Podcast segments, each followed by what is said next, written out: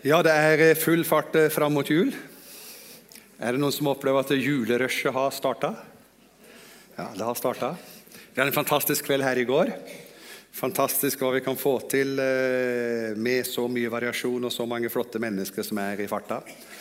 Og liksom Det er nesten som Linda Holm Hansen som, som holder i dette sammen med Heidi og Miriam. Det er sånn De bare tryller ut ut av ermet, liksom, og så er det der.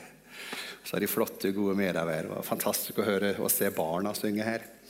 Jeg måtte ringe til Thomas eh, på vei hjem fra Betel i går. fordi at eh, Først så var det Samuel som liksom bare Wow. Og så var det Jeremia. Wow. Og jeg ble bare ble truffet rett i hjertet. Og jeg ble så glad eh, når jeg hørte og så dem. Og det gjaldt alle andre her òg, men, men, jeg syns det var noe spesielt at de som jeg var sammen med i Paraguay, har kommet hjem til Norge og får se gutta har funnet sin plass. Det berørte hjertet mitt. Det gjorde meg glad. Så eh, Det var en fantastisk kveld vi hadde i går. Og så vet vi det er mange som er busy med Gospel Explosion, og, som finner sted i Byåsen kirke på tirsdag kveld. Og det var øvelse i går. Og, og så har det vært eh, 70-årsdag i går med mange gjester. Og så var det 40-årsdag i går med mange gjester. Og, men så er vi her. Og så tenkte jeg jeg forventer ikke så mye folk i dag. Vil si, jeg forventa ikke at du kom heller, men du er jo her. Så fint å se deg. Fint å se deg. Forrige søndag så snakka jeg om eh, et lykkelig liv og noen forutsetninger som eh, både vitenskapsmenn og forskere eh, bekrefter Guds ord. Vi trenger jo ikke forskere for å bekrefte Guds ord, for vi tror jo på Guds ord. Men det er litt moro når vitenskapen liksom 2000 år etter bekrefter det som ble skrevet uten vitenskapens forskningsmetoder, og bare bekrefter det som Gud alltid har visst. Det er klart, eh, det, det, er ingenting som kan forskes fram som Gud ikke har visst, for da er jo ikke Gud Gud. Eh, Gud er jo per definisjon allvitende, og han presenteres på Bibelens første blad som skaperen. Så eh, forskerne sier eh, noe om et eh, lykkelig liv som samsvarer eh, med Guds ord. Og i dag så slo det ned i meg en tanke at et lykkelig liv måles ikke i kroner og øre, men evnen til å tilgi vilje til sjenerøsitet, takknemlighet og en grunnleggende trygghet. Hvis du har det på plass i livet ditt, så er det store forutsetninger for at du kan leve et lykkelig liv. Og så er det ikke sånn at et lykkelig liv er egoistisk liv, for det er jo ikke et lykkelig liv. Så det er ikke sånn at jeg vil bli lykkelig sånn at alt går bra med bare meg. Nei, et lykkelig liv er et sjenerøst liv. Og vi gir ikke for å få, vi gir for å gi. Vi tjener ikke for å bli sett, vi tjener for å se. Og eh, vi er eh, på giversiden. Og eh, Denne måneden her så har vi et spesielt fokus både når det gjelder samfunnslivet og, og når det gjelder eh, det vi har spesielt fokus på i bønn.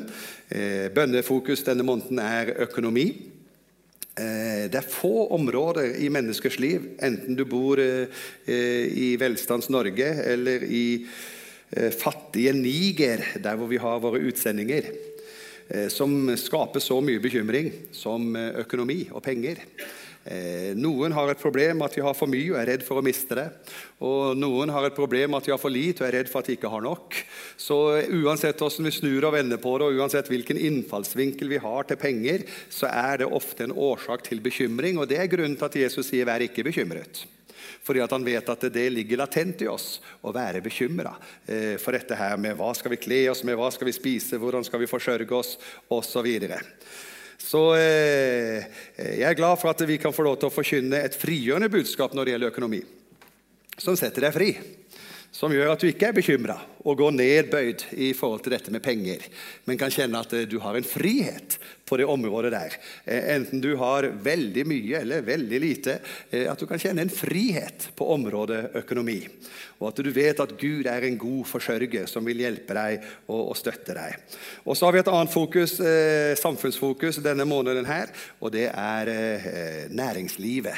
Folk som er med å bygge landet. Sånn som en Hans Nilsen Hauge. vet du. Dere vet at Hans Nilsen Hauge han var ikke ikke bare en sånn åndsperson, han var en veldig praktiker som bygde nasjonen og starta næringsvirksomhet rundt omkring i hele landet.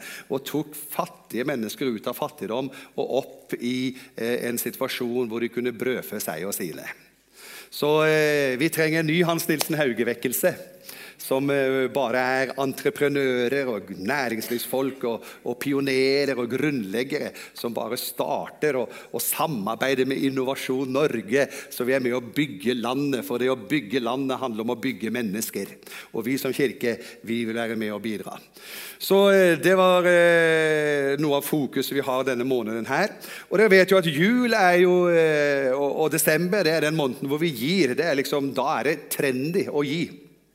Så desember eh, det handler om eh, å, være med og, bidra, være med og velsigne hverandre. Nå skal, Hvis du vil ha en overskrift over det jeg skal si i dag, så er det å være eh, forvaltere med nådefulle liv. Forvaltere med nådefulle liv. Eh, jeg skal si litt om forvalterskap. Eh, forvalterskap det handler om, i samsvar med eierens interesser og med hans tillit, å bruke betrodde ressurser som er stilt til rådighet, slik at de øker. Jeg må gjenta den.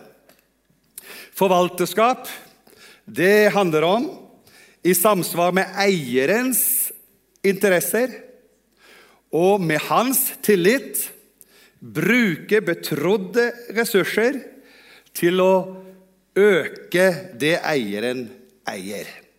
Og da kan du tenke eh, Jeg er vel en eier sjøl? Ja, det skal vi se litt på. Men først så skal jeg definere ressurser, for noen tenker straks penger når det gjelder ressurser. Men ressurser er mye mer enn penger. Ressurser er faktisk livet ditt. Ressurser er det livet du lever. Det er din ånd, det er din sjel, det er din kropp. Det er tida di, det er gaver du har, det er evner du har. Og så er det også penger. Men en sjenerøs livsstil handler ikke bare om å gi penger. Det handler om å gi seg sjøl inn i et fellesskap.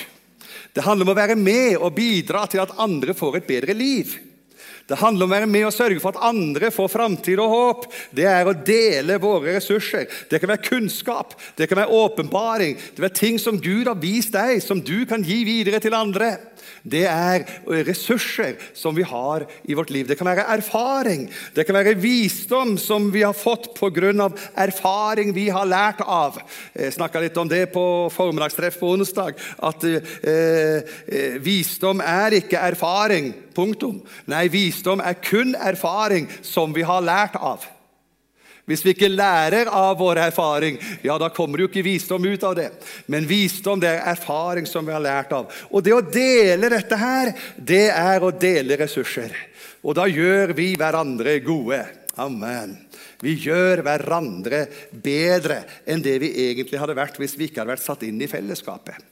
Så eh, Da har vi definert hva forvalterskap er, vi har definert litt hva ressurser er. Og da er punkt én det er at du faktisk ikke er eh, en eier, men du er eiendom. Det er Guds ord. Guds ord sier at du og jeg vi er ikke eiere. Det er en annen som er eier. Fordi at Vi kunne jo ikke vært forvaltere av det vi eier. Nei, vi er forvaltere av det som andre eier. Og Bibelen sier tydelig at eh, vi er Guds eiendom. Bibelen sier vi er Guds eiendomsfolk, sier Bibelen. Guds ord sier i 1. Korintere 6, 19-20, i Bibelselskapets oversettelse 2011, vet dere ikke at kroppen deres er et tempel for Den hellige ånd som bor i dere, og som er fra Gud? Dere tilhører ikke lenger dere selv. Det her er radikalt. Dere tilhører ikke lenger dere selv. Dere er kjøpt og prisen betalt. Og så står det 'bruk da kroppen til Guds ære'. Amen.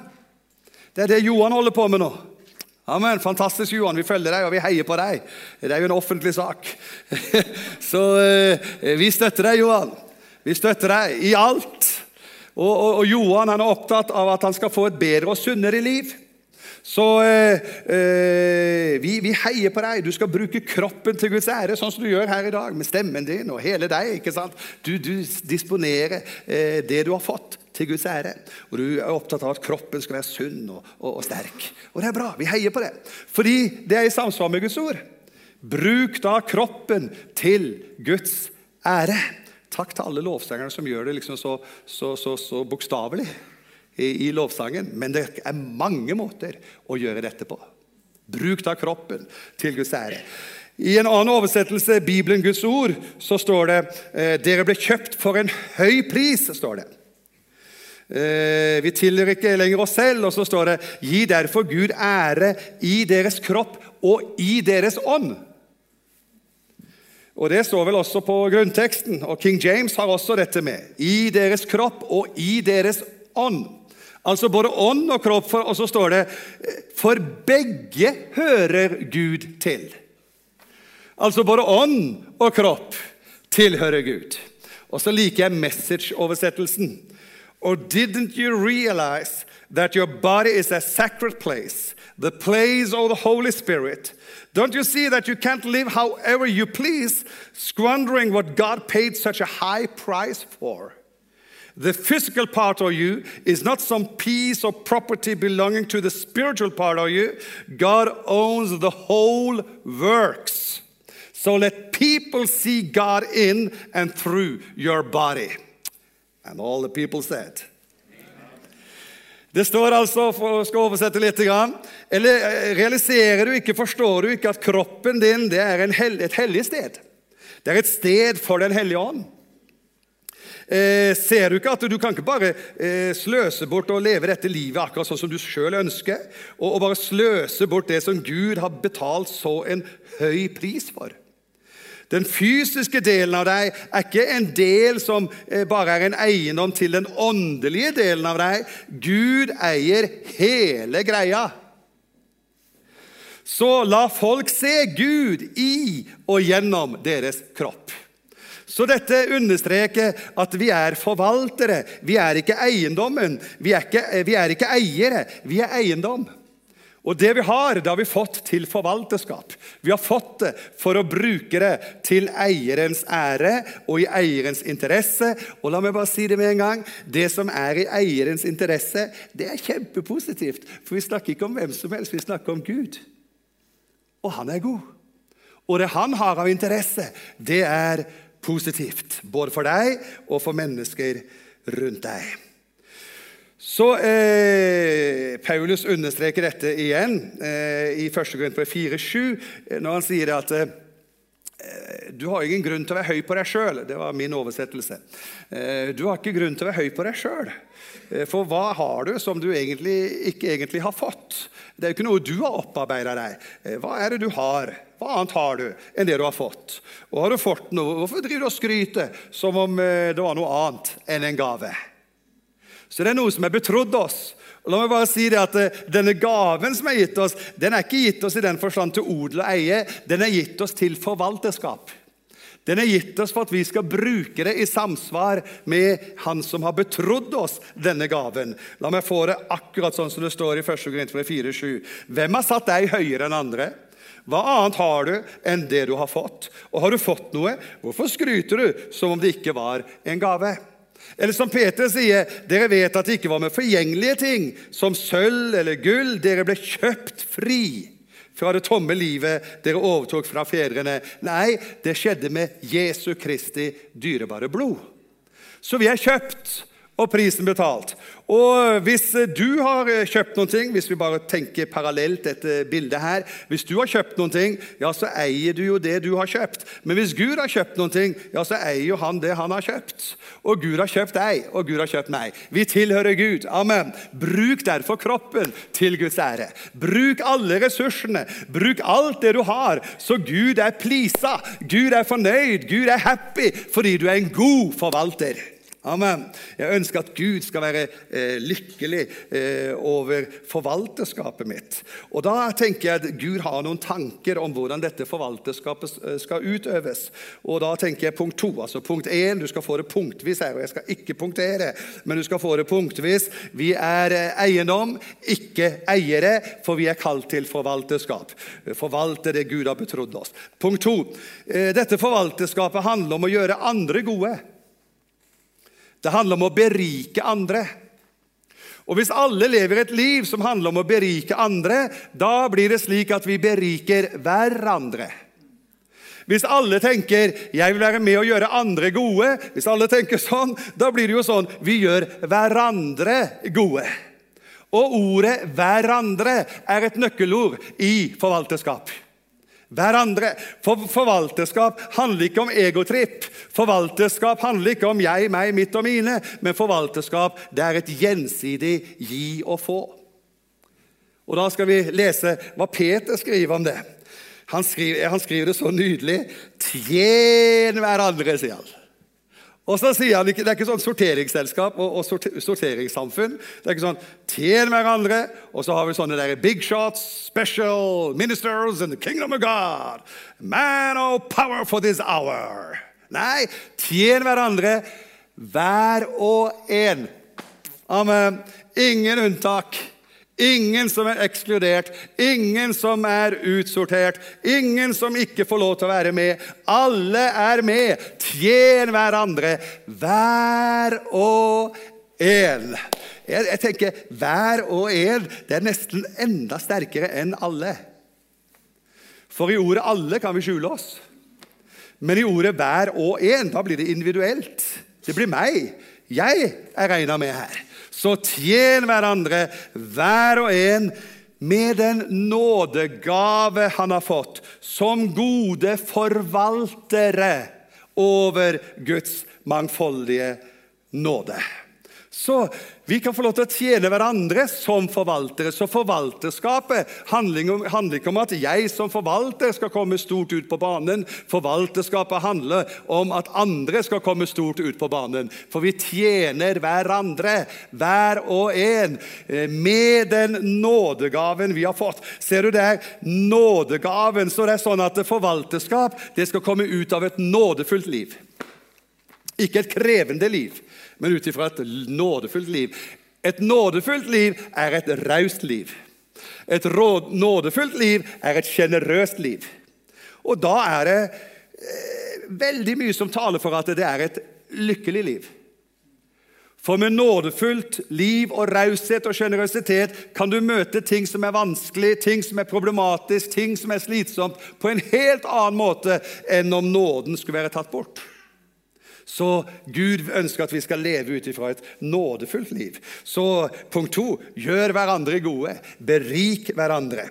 Eh, Johannes han sier det helt genialt. Han sier av hans fylde har vi alle fått. Og hør hva han sier. Nåde over nåde. Det var en mann som eh, hadde vært og hørt på en predikant som snakka om en sånn der lagkake, kan si bløtkake. I Tyskland så har du sånne der voldsomme kaker med 11, 12, 13, 14 lag. Det er ikke så vanlig i Norge. Men 11, 12, 13, 14 lag, liksom. Mange snitt, liksom. En lagkake. Og Så var det en predikant som snakket om uh, en lagkake. og Han la ut om dette her med lagkaka. og Han sa det er ett lag med synd, og så er det ett lag med nåde. Og så kommer det ett lag med synd, og så kommer det ett lag med nåde. Og så kommer det et nytt lag med synd. Og så kommer det et nytt lag med nåde. Så er det synd og nåde og nåde over synd og synd over nåde og nåde over synd. Og det er hele lagkaka. Og da var det en pinsepredikant som sa 'Å, føy, sånn en kake har ikke jeg lyst på å spise'. Han var mer begeistra for den kaka som heter 'først et lag med nåde', og så et lag med nåde, og så et lag med nåde, og så et lag med nåde, og så et lag med nåde, og enda et lag med nåde, sånn at hele kaka heter nåde. Det er nåde over nåde. Av Hans fylde har vi alle fått nåde over nåde. Det er ikke nåde over synd, det er nåde over nåde. Amen. Og nåden tar ikke bare å dekke til synda, nåden fjerner synda. Amen. Så vi lever ut ifra nådens perspektiv i forvalterskapet. Tjen hverandre, vær med den nådegave han har fått. Hver og en gjør det eh, som gode forvaltere. Og så kommer det igjen av Guds mangfoldige nåde. Det er så raust. Det er så sjenerøst! Det er liksom ikke bare eh, Guds eh, liksom spesialnåde. Nei, Guds mangfoldige nåde. Det er som det flyter over av nåde. Det er så mye nåde at det er nåde over nåde. Halleluja. Ordet forvalter i 1. Peter 4,10 som gode forvaltere, det er på gresk oikonomos. Oikonomos. Eh, det er det greske ordet for økonomi. Altså Ordet økonomi kommer fra det greske ordet oikonomos. Oikos det betyr hus. Og oikonomos det betyr en som distribuerer ressursene i huset. En som distribuerer eh, det som finnes av ressurser. Det er en oppsynsmann, det er en tilsynsmann. Det er en som er ansatt i økonomisk kapasitet. Det er en finansmann. Det er figurativt en forkynner av evangeliet. Det er en som øh, forvalter det som er av ressurser i huset. Det er en tjener, det er en administrator, det er en manager av en husholdning. Oikonomos. Eh, det er en manager av forretninger. Det er en som er overordna eh, over det som eieren har betrodd vedkommende. Og det er en som har oppsynet med og forvaltningen av det eieren eier. Det er en som har omsorg og tilsyn med både utgifter og inntekter. Det er han som fordeler rett porsjon til andre tjenere i huset, og til og med til barna deres. Ser dere? Dette er oikonomos. Dette er forvalterskap. Det handler om ressurser og fordeling av ressursene. Amen. Ressurser. ressurser. Det er som han eh, Hva heter han eh, på skiskyting? Ola Jeg følger ikke med på skiskyting. Ola Lunde, ja. Han sier, han sier ikke Russland, han sier Russland. sier han. Russland. Ressurser. Det er fantastisk at det finnes ressurser i Kirken som du og jeg er betrodd å være forvalter av i fellesskap med hverandre. Vær gode forvaltere av Guds mangfoldige nåde.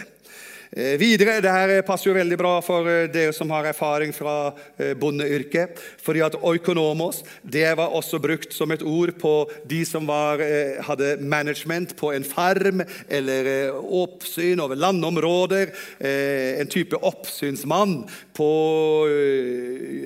rike jorder og skogbruk. Og så var Det en, det kunne også være en som var sånn superintendent, altså en overordna person for en bys finanser, en kasser leder i en by, eller en skattemester eller finansmann ved kongens slott. Og så brukes det også som en metafor for apostler og andre kristne lærere og biskoper og tilsynsmenn. Men alt handler om at det finnes noen ressurser som du og jeg er kalt til å forvalte. Det er oikonomos. Vær gode forvaltere. Punkt tre. For Bibelen snakker også litt om karakter og integritet i forhold til at vi skal være forvaltere. Og Det ligger vel egentlig i sakens natur. Eh, hvis vi bare tenker rent menneskelig innenfor business, og, og, og, og eh, noen som eier eh, konsern og selskap og aksjer osv. Det er klart det må være et tillitsforhold mellom eiere og de som skal forvalte eiendommen. Vi betror jo ikke store ressurser til hvem som helst. Vi betror jo store ressurser til mennesker som er i stand til å forvalte ressursene. Og Derfor så snakker eh, Bibelen også om eh, tilsynsmenn som eh, er Guds forvaltere. Titus 1, 7-8. En tilsynsmann er en Guds forvalter. Og så står det det må ikke være noe å utsette på ham. Det vil si, hvis vi er forvaltere for egen vinnings skyld, da, allerede, da er vi allerede litt på sida i forhold til å være forvaltere. Vi skal ikke være forvaltere for vår egen skyld, vi er forvaltere for Guds skyld. Og Det er det Paulus skriver til Titus. En tilsynsmann er Guds forvalter. Og det må ikke være noe å utsette på ham. Og så står det han må ikke være egenrådig, bråsint, drikkfeldig, voldelig eller ute etter skammelig vinning. Så her ser vi, her settes det noen karakteregenskaper og litt personlighet opp som kriterier for å være forvalter. Det er viktig at forvalterne er troverdige. og Derfor er punkt tre troskap og trofasthet. Karakter og integritet. Troskap og trofasthet. For du verden hvor trist det er i Guds rike når forvalterskapet har eh, fått skeiv utvikling, sånn at det er mennesker som har berika seg på bekostning av kirke. Det er triste, tragiske historier. Derfor, Når vi er forvaltere, så presenterer Paulus tydelig at det må være en karakter som er i stand til å bære forvalteransvaret.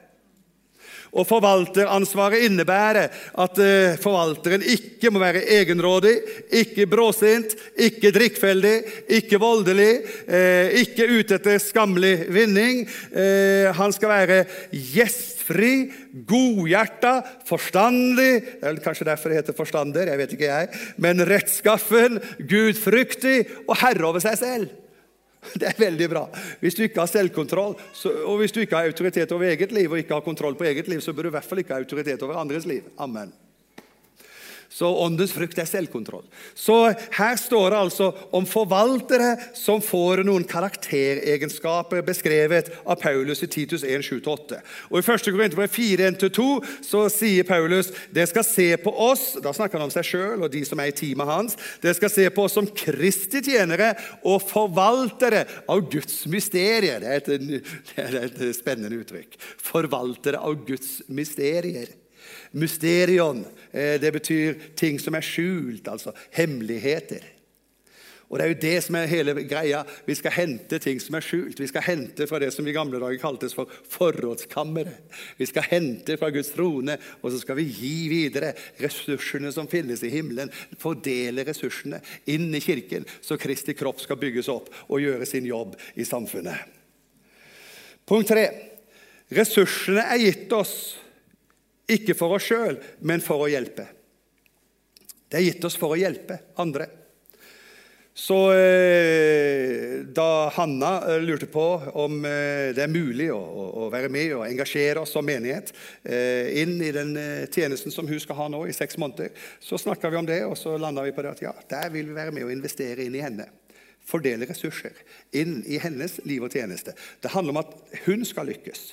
Det handler ikke om at vi som menighet ja, vi gir. Nei, det handler om at hun skal lykkes. Det handler om Hanna. Vi har tro på deg, Hanna. Og du skal lykkes, og du skal trives, og du skal blomstre, og du skal bære frukt. Fordi at Netel Åshammer, som var en gammel pioner, han fikk høre når han var over 80 år, så fikk han høre av menigheter som han besøkte rundt omkring Ja, du, du blomstrer fremdeles, sa det til han. Og det likte han ikke. Så han repliserte og sa nei, nei, nei, nei, nå bærer jeg frukt, sa han. For blomstringa i Hardanger den er fin å se på, men hensikten med blomstringa er jo ikke blomstringa, det er jo frukten. Hele poenget med blomstringa er jo ikke at du og jeg skal se vakre ut. Hele, hele poenget med blomstringa er at det skal komme frukt. Og frukt er jo ikke til for epletreets skyld, det er jo til for vår skyld. Frukten er jo ikke til for min skyld, frukten er jo til for andres skyld. Åndens frukt, kjærlighet, glede og fred, overbærenhet og vennlighet og godhet og trofasthet og tålsomhet og selvbeherskelse. Det er jo ikke for min skyld, det er jo for andres skyld. Det er jo andre som skal spise frukt av ditt og mitt liv. Vi er jo bare forvaltere som fordeler. Spre godene. Fordel godene, fordel ressursene. Og da er det bare rettferdig at mennesker som sliter med ressursmangel, at de får dekke opp sine mangler. Og det er vårt forvalteransvar. Så eh, ressursene er gitt for at vi skal hjelpe. Det står i Lukas 8,3. Det er faktisk vakkert. Det står om eh, noen kvinner. Det står bl.a. om ei som heter Johanna. Hun var gift med Kusa, står det her. Jeg vet ikke hvorfor han heter Kusa. Du får spørre når du kommer til himmelen. Men det er et spesielt navn. Han heter Kusa. Eh, hun Johanna hun var står det, en forvalter hos Herodes. Det vil si, hun var betrodd eh, med rike eiendommer eh, hos selveste kongen. Hun var en forvalter hos Herodes. Og hun fikk sikkert eh, bra betalt av eh, hoffet for å gjøre den tjenesten som hun gjorde som forvalter. Og så står det eh, så vakkert eh, Det var hun, Johanna, som var gift med Kusa. og Hun var en forvalter hos eh, Herodes. Og så var det ei som heter Susanna. Og så står det 'og mange andre'. Og så står det 'med det de eide, hjalp de Jesus'. Det er nydelig. Jeg tror Jesus fortsatt trenger hjelp. Jeg. Han gjør ikke jobben alene, han, vet du. Nå har han sendt oss. Han trenger fortsatt hjelp. Med det de eide, hjalp de Jesus. Hvorfor hjalp de Jesus? Jo, for de skjønte det jeg eier, er ikke mitt. Det er til for en større hensikt. Jeg investerer det inn i det Jesus har på sitt hjerte. Og så står det Du vil ikke tro det, vet du, men det står 'hjalp de Jesus og de tolv'. Så disiplene til Jesus ble også hjulpet av, eh, av, av eh, Johanna og, og, eh, og, hun Susanna og mange andre. De ble hjulpet. Og etter akkurat dette verset her i Lukas 8,3 Johanna som var gift med Kusa, en forvalter hos Herodes, og Susanna og mange andre, med det de eide, i alt til Jesus og de tolv. Det første som skjer etter det verset, det er lignelsen om såmannen. Da skjønner vi at det er en sammenheng. At uh, dette med å være forvalter det handler også om å være en investor. Altså Det handler om å investere inn for at det skal bli mer avkastning. For det er klart at Hvis det er en som betror deg 100 000 kroner for at du skal gjøre best mulig ut av de 100 000 kronene, så er ikke han fornøyd med at om ti år så får han tilbake 100 000 kroner. Han, jo, han ønsker at det skal bli mer av de 100 000 kronene. Er dere med på det? Det er jo en eh, vanlig forretningstenkning. Eh, faktisk er det sånn at Hvis du leverer 100 000 kroner tilbake etter å ha fått forvalte det i ti år, så leverer du mindre tilbake enn det du fikk. For inflasjonen har spist opp en stor del av summen. Så eh, Gud ønsker at det vi sår, det vi har, det vi har fått å forvalte, det skal vi så inn i god jord, så det blir enda mer. Det er forvalterskap. Så du må være bevisst på at de ressursene som du har tilgjengelig, som du har til rådighet, det er noe du står til ansvar for, og det skal du faktisk stå til ansvar for en dag. For Gud skal dømme deg etter hva du har gjort med det du har fått. Han vil spørre deg om det.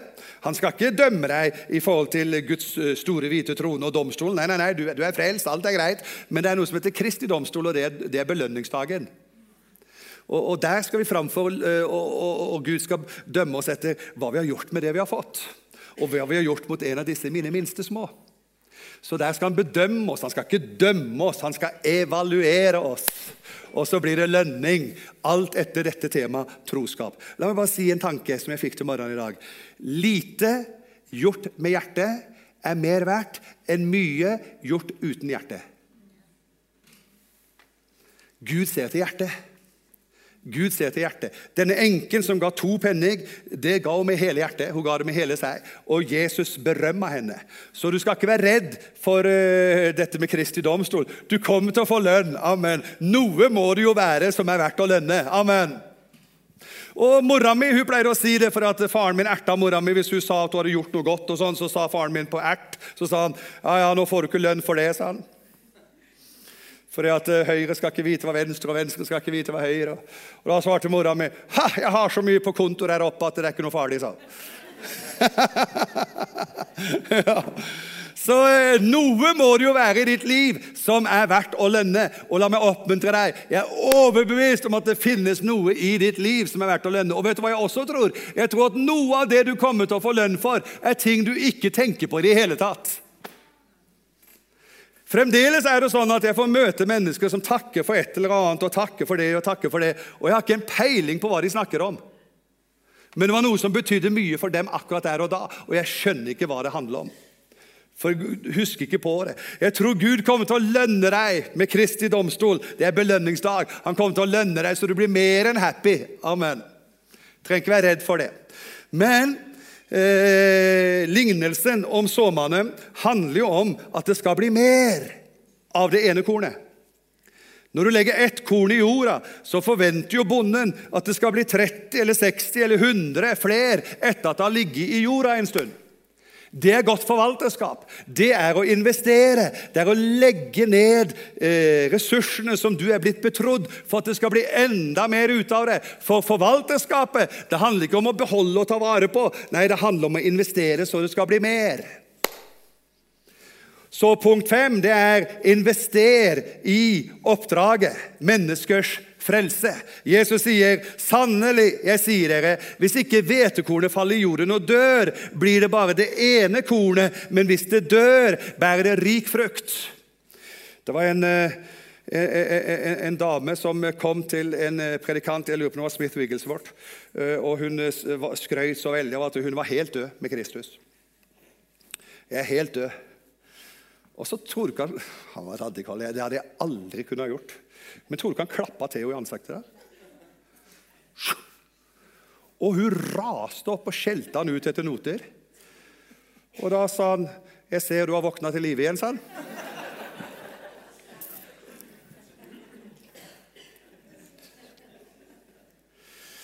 Men det er noe med at når vi legger vårt liv ned i jorda, det handler om å dø bort ifra oss sjøl. Og det er forvalterskap. For når vi dør bort fra oss sjøl, da blir livet vårt mer. La meg bare nevne noen eksempler. Mor Teresa, livet hennes ble mer, for hun døde bort fra seg sjøl. La meg nevne noen, noen, eksempler. Martin Luther King, livet hans ble mer, for han døde bort fra seg sjøl. La meg nevne et eksempel. Nelson Mandela, livet hans ble mer, for han døde bort fra seg sjøl. Han sto ikke på krava for sin egen rettferdighet. Nei, han begynte å bygge nasjonen. Bildet er større. Så invester i oppdraget. Invester ditt liv i oppdraget. Det er det punkt fem. Menneskers frelse. Det er den viktigste investering du som forvalter kan gjøre. Invester inn i andre menneskers evige frelse. For sannelig sier jeg dere, sier Jesus, hvis ikke hvetekornet faller i jorden og dør, blir det bare det ene kornet, men hvis det dør, bærer det rik frukt. Og så sier den samme Jesus, ingen har større kjærlighet enn den som gir livet for vennene sine. Det handler om å investere sitt liv inn i andre menneskers liv. Du er en velsignelse. Yes! Jeg er så glad for å proklamere inn i ditt liv. Du tror kanskje at du bare lever ditt lille A4-liv. Nei, nei, nei, nei. Du er en velsignelse for mennesker i din hverdag. Vær deg bevisst. Du er en gave til menneskeslekta. Du er en Guds gave. Made in heaven. Bare se under høyre fot. Der står det skrevet 'Made in heaven'. Og på venstre fot står det signaturen på kunstneren. God through unity. Så du er en gave, en kunstverk, et verk fra himmelen, gitt til denne jorda. Og det er en grunn til at du er her. For hvis du ikke hadde vært her, så hadde du vært der. Og hvis det ikke hadde vært en grunn til at du er her, så hadde han henta deg med en gang du ble frelst. Men du lever for en hensikt her på jorda. Invester i oppdraget. Legg ditt liv ned for andre mennesker. Jesus sier det veldig tydelig. Han sier, 'Skaff dere venner', sier han i Lukas 16, 'ved hjelp av den uhederlige mammon', så de kan ta imot dere i de evige boligene, boligene når pengene tar slutt. Beklager, jeg har et budskap til deg. Pengene tar slutt. Det er forutsagt. Pengene tar slutt. Derfor er det viktig at vi investerer inn i noe som har evighetsverdi. Noe som har holdbarhetsdato. Eternity. Evig. Alltid. Det er trist hvis vi bare lever for de 70-80-90 åra her på jorda og svarthullet i jorda. and that's it. Nei, vi lever for noe som er større. Vi lever for noe som sprenger tidsrammene. Vi lever for noe som går utover død og grav. Vi lever med et evighetsperspektiv. Vi investerer inn i venner. Vi bruker penger, den urettferdige mammon. Vi bruker det for å vinne venner som skal ta imot oss i de evige boliger. Å, jeg har så lyst til å rope halleluja, men for din skyld så holder jeg inne. Skaff dere venner ved hjelp av den uhederlige mammon. Til og med pengene blir jo født på nytt når du blir født på nytt. For den urettferdige, uhederlige mammon blir gjort om til hellige gaver. Det er en fantastisk forvandling. Det er mer enn forandring. Det er forvandling. Det er dere, metamorfose, eller hva det heter. Det er i hvert fall noe som, som snur seg, forandres til noe helt annet. Det blir noe helt annet. For før så var det urettferdig mammon. Og hva var det? Det er å undertrykke folk med økonomi. Og så blir det til hellige gaver. Oikonomos, forvalter, økonomi, penger, andre ressurser. Det blir til hellige gaver som setter mennesket fri. Kirken har alltid vært på de undertrykte side. Det vil si det er noen misgrep i historien, store misforståelser, men den sanne Jesu Kristi kirke har alltid vært på de undertrykte side. For å hjelpe og løfte den ringe av støv og sette ham blant fyrster. Og så snakker Jesus om penger som noe som blir en sånn målestokk i forhold til andre verdier. For Han sier den som er tro i smått, sier han, er også tro i stort. Og da sier han penger, det that's peanuts. Penger er uviktig. Det er det du kan få gjort med pengene, som er viktig. Penger er ikke viktig i seg sjøl. Penger, det sier Jesus, det er smått. Han sier den som er tro i smått, er også tro i stort. Den som er uredelig i smått, er også uredelig i stort. Om dere ikke har vært tro når det gjelder den uhederlige mammon, altså penger, hvem vil da betro dere de virkelige verdiene? Eh, dersom dere ikke har vist troskap mot det som hører andre til, hvem vil da gjøre, eh, gi dere noe dere selv kan eie? Eh, ingen slave kan tjene to herrer. Han vil hate den ene og elske den andre, eller holde seg til den ene og forakte den andre. Dere kan ikke tjene både Gud og mammon. Punkt 6. Gud er raus. Han gir oss ikke bare såkorn som vi, skal, som vi skal så i jorda. Han gir oss brød så vi kan spise. Så han tar litt av såkorn og så ordner han brød, så du har dekka dine behov. Så dine behov er ikke underslått hos Gud. Nei, han gir deg brød så du kan spise. I 2. Korinter 9, 10-11, han som gir såkorn til den som skal så, og brød til å spise. Så han gir begge deler. Han sørger for sine forvaltere. Amen er så bra, vet du. Gud sørger for de som er hans forvaltere. Gud tar hånd om deg. skjønner du. Han lar deg ikke gå for lut og kaldt vann. Han, eh, han eh, driver ikke og misbruker deg og driver med overgrep og tyranniserer deg og presser deg og manipulerer deg. Nei, nei, nei. Han sørger for deg. Han gir brød som du kan spise, og samtidig gir han såkorn som du kan så ut. Så det er ikke noe at dine behov blir neglisjert hos Gud. Nei, han gir brød å spise og såkorn å så. Han som gir såkorn til den som skal så, og brød til å spise, han skal også gi dere såkorn og la dere bære, la det bære rikelig, og la deres rettferdighet bære rik frukt. Dere skal ha rikelig. Altså rikelig, rik, rikelig.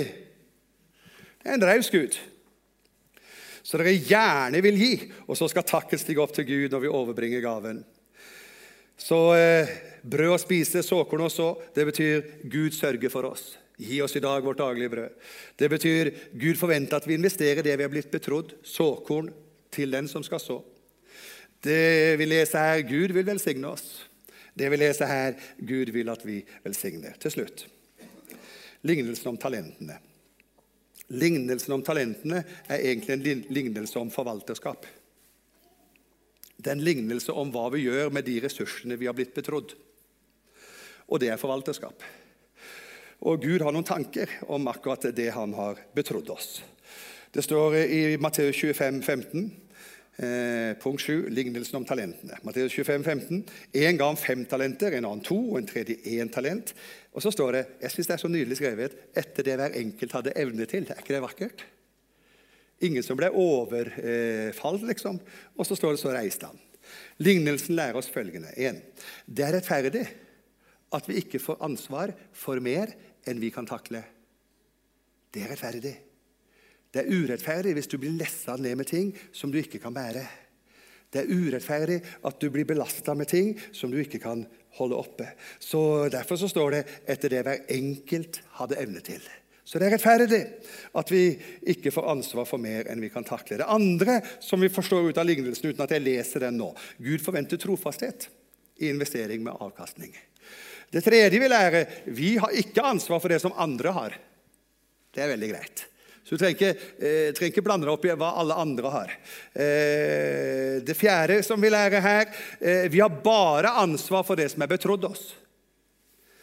Og Det gjør at det femte blir en naturlig følge. Det blir helt, eh, det blir helt irrasjonelt å sammenligne oss med hverandre.